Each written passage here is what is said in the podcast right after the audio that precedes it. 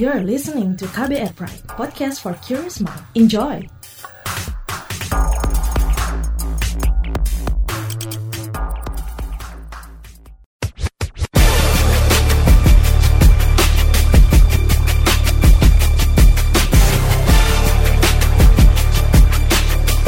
Cek fakta, cek fakta, cek fakta. Ada larangan injak kecoa sampai mati karena isi perut kecoa sangat berbahaya. Juga beredar foto 70 pesawat angkut disewa untuk antar peserta reuni 212. Seperti apa penelusurannya? Kita akan kupas dalam cek fakta episode kali ini. Kembali bersama fact checker masyarakat anti fitnah Indonesia Mavindo ada Dedi Helsianto, saya Don Brady menghadirkan topik teratas periksa fakta Mavindo periode 30 November sampai 6 Desember 2019. Hasil periksa fakta dengan tingkat engagement paling tinggi dalam forum anti fitnah hasut dan hoax atau FAFHH serta Instagram. Podcast ini bisa Anda simak di kbrprime.id setiap Senin dan di aplikasi podcast lainnya.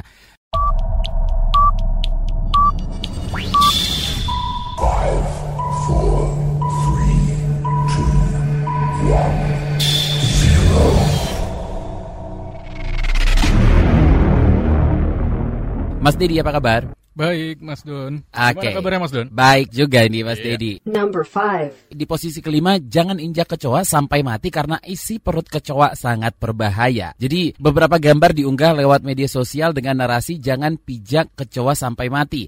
Jadi bila Anda melihat kecoa di kediaman atau di mana-mana, elakkan dari memukulnya sampai mati dengan tangan kosong karena isi perut kecoa sangat berbahaya. Ini karena di dalam perut kecoa itu terdapat cacing halus atau yang lembut yang akan hidup walaupun di luar tubuh kecoa. Bila cacing ini sudah berada di luar dari tubuh kecoa atau perut kecoa, dia akan terus bergerak untuk mencari tempat baru. Jadi awas. Oke. ini gimana Dimas? Ya, jadi kalau misalkan ngelihat narasinya sebenarnya bahasanya eh, agak menakutkan ya Mm-mm. dan lebih menakutkan lagi gambarnya, Mas.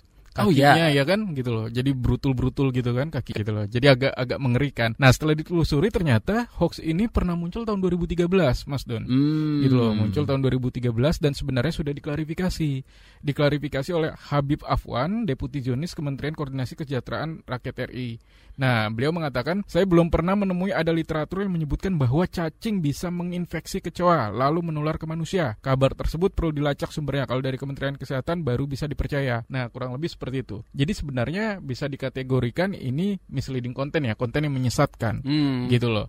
Nah sebenarnya kalau kita bicara tentang hoax-hoax yang berkaitan dengan kesehatan ini, lalu ada hubungannya dengan binatang, bukan hanya kecoa aja Mas Don, gitu loh. Itu kalau penelusuran saya kemarin sebelum kemarin itu ternyata tikus lebih banyak. Gitu loh. Hmm, Jadi oke, eh, ha. eh, penyakitnya dan memang di antara tikus dan kecoa ini mediumnya untuk penularan penyakit ke manusia adalah cacing. Ya. Gitu loh. Nah, mungkin dengan eh, hoax yang berulang seperti ini, masyarakat atau netizen bisa lebih peduli gitu loh ketika menemukan hoax-hoax kesehatan yang dikaitkan dengan tikus, dengan kecoa dan mediumnya adalah cacing untuk menularkan penyakit kepada manusianya. Kurang Hmm. lebih seperti itu, Mas Dan. Eh, tapi pada dasarnya memang isi perut dari kecoa ini ataupun kecoanya sendiri berbahaya untuk kesehatan gak sih? Ya, berbahaya Ya. gitu loh. Jadi berbahaya cuma kalau untuk penularan penyakitnya melalui kita injak ya Itu kan enggak terus ya? menulu- apa namanya kita langsung bengkak dan terjadi penularan langsung. Itu hoax nah, ya. itu hoax Ah, ya kan. Number four. Kita ke posisi keempat, spanduk TNI menyambut hangat para peserta aksi Milad 212. Di Facebook sebuah foto dengan narasi terpampang jelas respek spanduk TNI menyambut hangat untuk para peserta aksi Milad 212. Besok hari Senin di Monas. Bukan sekedar respek ucapan spanduk aja kawan, tapi ada yang luar biasa. Para TNI menyiapkan makanan juga untuk para peserta 212 besok. Terlihat jelas aura wajah mereka sangat bahagia ketika saya berjumpa para TNI tadi sore. Dan aku pun tidak segan-segan sedikit bercanda sambil bersalaman. Rasa nyaman pun saya merasakan. Sumpah, aku terharu melihat respon para anggota TNI. Semoga atas peduli empatimu menjadi amal ibadah dan berkah wahai TNI-ku. Dan semoga atas adanya 212 ini menjalin silaturahmi yang kuat bersama rakyat menuju masa depan para generasi muda yang akan datang untuk menjaga alam NKRI ini. TNI mantap jiwa, we are with you guys. Oke. Jadi di foto tersebut juga terdapat narasi, silakan sarapan gratis saudaraku, cukup bayar dengan alhamdulillah. Benar, Ya. Mas? Nah, ini masuknya ke eh, bisa dikatakan false context itu yang pertama, terus yang kedua misle- misleading konten, ada konten yang menyesatkan. Jadi mungkin ini hoaxnya eh disinformasinya karena momentum ya Mas ya. Acara 212 kemarin gitu loh. Sebenarnya kalau kita lihat fotonya setelah ditelusuri itu adalah eh, foto dari Apel Nusantara Bersatu tahun 2016. Nah, Nah, foto lama ya. Iya, jadi foto lama gitu loh. Terus pada acara itu sebenarnya tujuannya adalah untuk memperkokoh rasa persatuan dan kesatuan gitu loh. Jadi kerjasama antara TNI, Polri, stakeholder dan lapisan eh, beberapa lapisan masyarakat gitu loh. Nah cuma foto itu diambil lalu ditambahkan narasi yang sifatnya provokatif ya Hmm. gitu loh dan agak dramatisir juga sebenarnya gitu loh. Nah, maksudnya apa gitu loh. Ini terkesan seperti menyudutkan TNI sih gitu loh. Seakan-akan ya kan yang mengayomi ketika ada acara gitu atau ada kegiatan gitu loh satu kelompok hanya TNI kan padahal enggak Hmm. enggak seperti itu. Dan TNI ini kan punya rakyat, semua rakyat Ya. gitu loh. Nah, itu itu itu yang mesti dipahami. Nah, menariknya lagi adalah yang menyebarkan akun ini itu postingannya sudah dihapus, Mas. Gitu loh. Jadi Hmm, postingannya sudah dihapus sudah langsung dihapus sama ya. ya, sudah dihapus sama dia dan eh, kondisi-kondisi seperti ini sebenarnya rentan sama adu dombanya ya gitu loh. Jadi di satu sisi TNI tapi di satu sisi ada isu polisi apa eh, apa namanya masuk masjid ya kan mengawasi masjid dan segala macam ya gitu loh. Nah, hoax-hoax seperti ini seharusnya eh, bisa dihindari dan netizen atau masyarakat tidak mudah termakan gitu loh. Oke, tapi kalau dari ngelihat spanduknya itu asli atau Iya, gimana, Mas? Spanduknya asli, itu fotonya Oh, asli. oke. Tapi tahun 2016 Ah. untuk acara Apel Nusantara Bersatu Oke, yang oke. tujuannya untuk memperkokoh rasa persatuan dan kesatuan. Oke. Number three. Di posisi ketiga, pabrik narkoba yang digerebek di Tasikmalaya semua pelakunya Cina. Jadi sebuah akun Facebook memposting video penggerbekan pabrik narkoba di Tasikmalaya.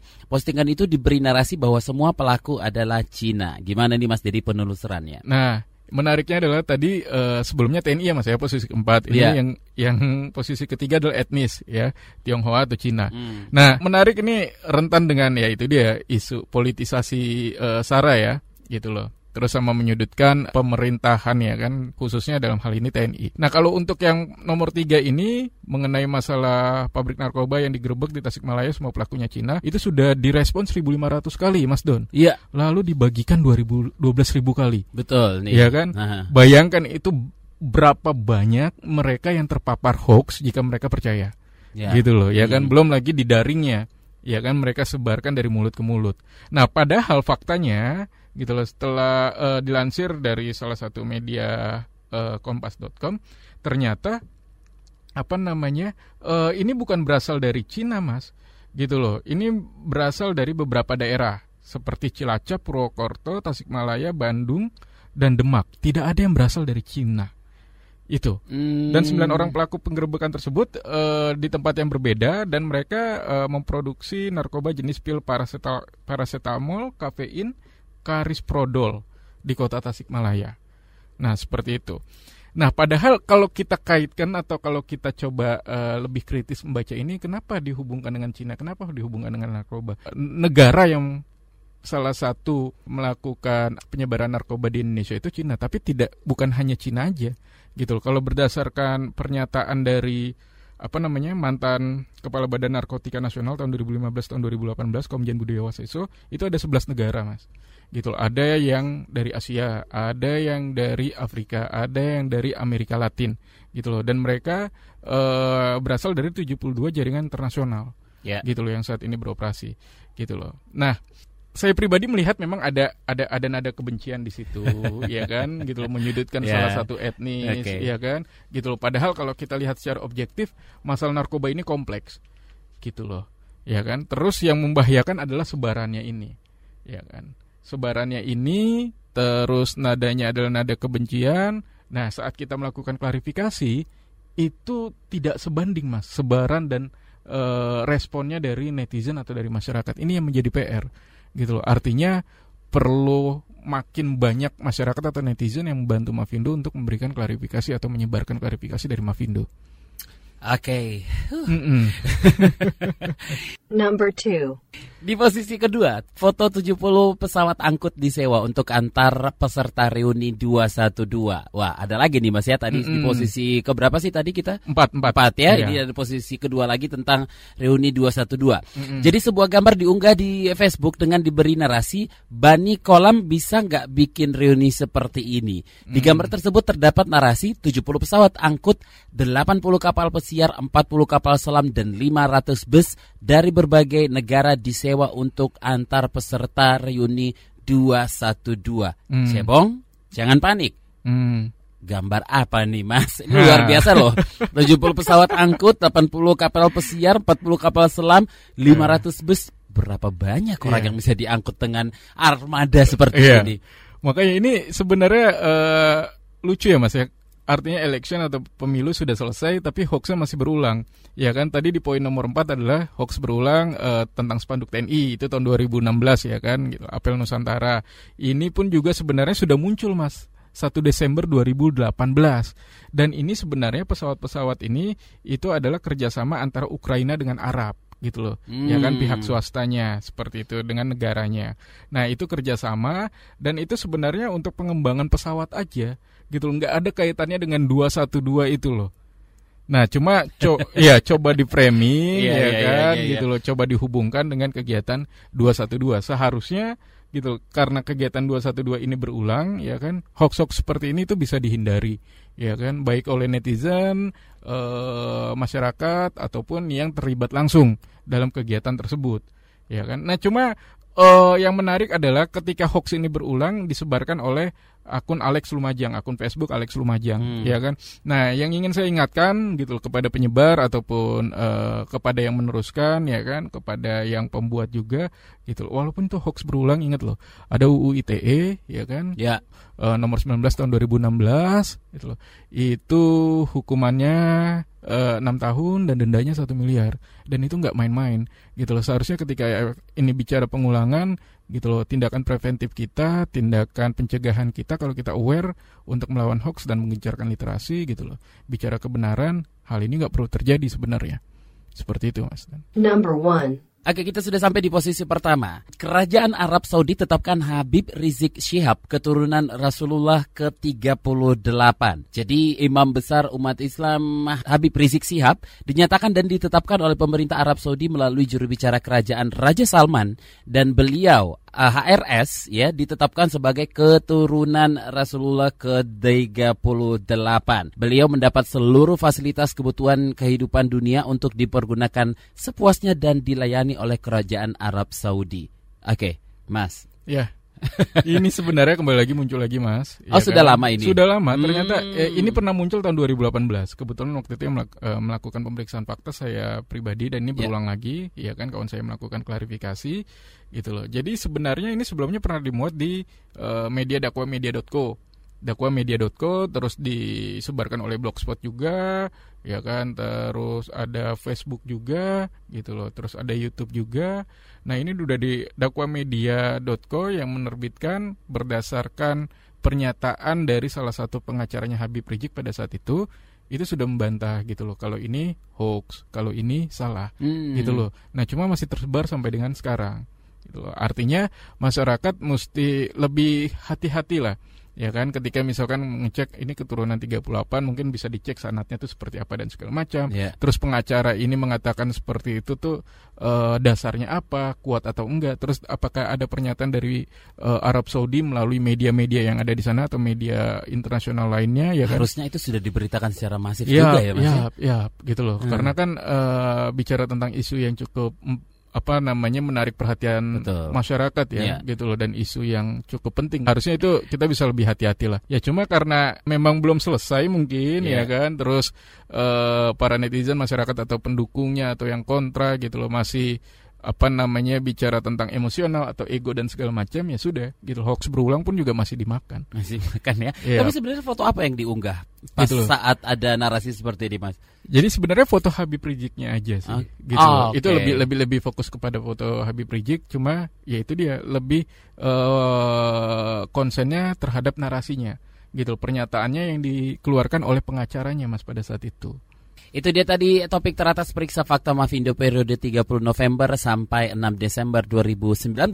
Hasil periksa fakta dengan tingkat engagement paling tinggi dalam forum anti fitnah hasut dan hoax atau FAFHH serta Instagram. Podcast ini bisa Anda simak di kbrprime.id setiap Senin dan di aplikasi podcast lainnya. Mas Dedi? Ya, Terakhir dari saya adalah untuk para netizen, ya kan, coba lebih sensitif kalau kita bicara tentang hoax kesehatan, apalagi yang terkait dengan binatang, ya kan, tikus, kecoa dan cacing itu, karena itu menjadi pola dari pembuat dan penyebar hoax. Terus yang kedua, e, pemilu itu udah selesai, saatnya sekarang kita membangun, ya kan. Sudah nggak ada lagi lah itu yang namanya apa namanya cebong-cebong, kampret-kampret gitu kan. itu itu sudah nggak ada lagi. I don't hmm. move on, ya yeah. kan, gitu loh. Terus jangan termakan dengan uh, hoax-hoax yang berulang, yang uh, menyudutkan instansi tertentu atau yang uh, bernada kebencian atau provokasi. Ingat ada UU ITE gitu. Terus uh, yang terakhir adalah pejabat publik atau jubir ini kan musimnya lagi rame nih mas. Hmm. ya kan? Dalam memberikan statement ada beberapa kasus sebelumnya ya kan? Baik dari pemerintah eksekutif ya kan? Ataupun yang ada di uh, tokoh-tokoh uh, politik tertentu ya kan? Coba dalam memberikan statement atau pernyataan pernyataan diharapkan lebih hati-hati. Jangan sampai menyebarkan misinformasi ataupun disinformasi karena itu bagian dari merawat persatuan dan kesatuan rakyat Indonesia sendiri. Baik, terima kasih Mas Dedi. Sama-sama Mas Don. Sampai ketemu minggu depan. Cek fakta, cek fakta, cek fakta.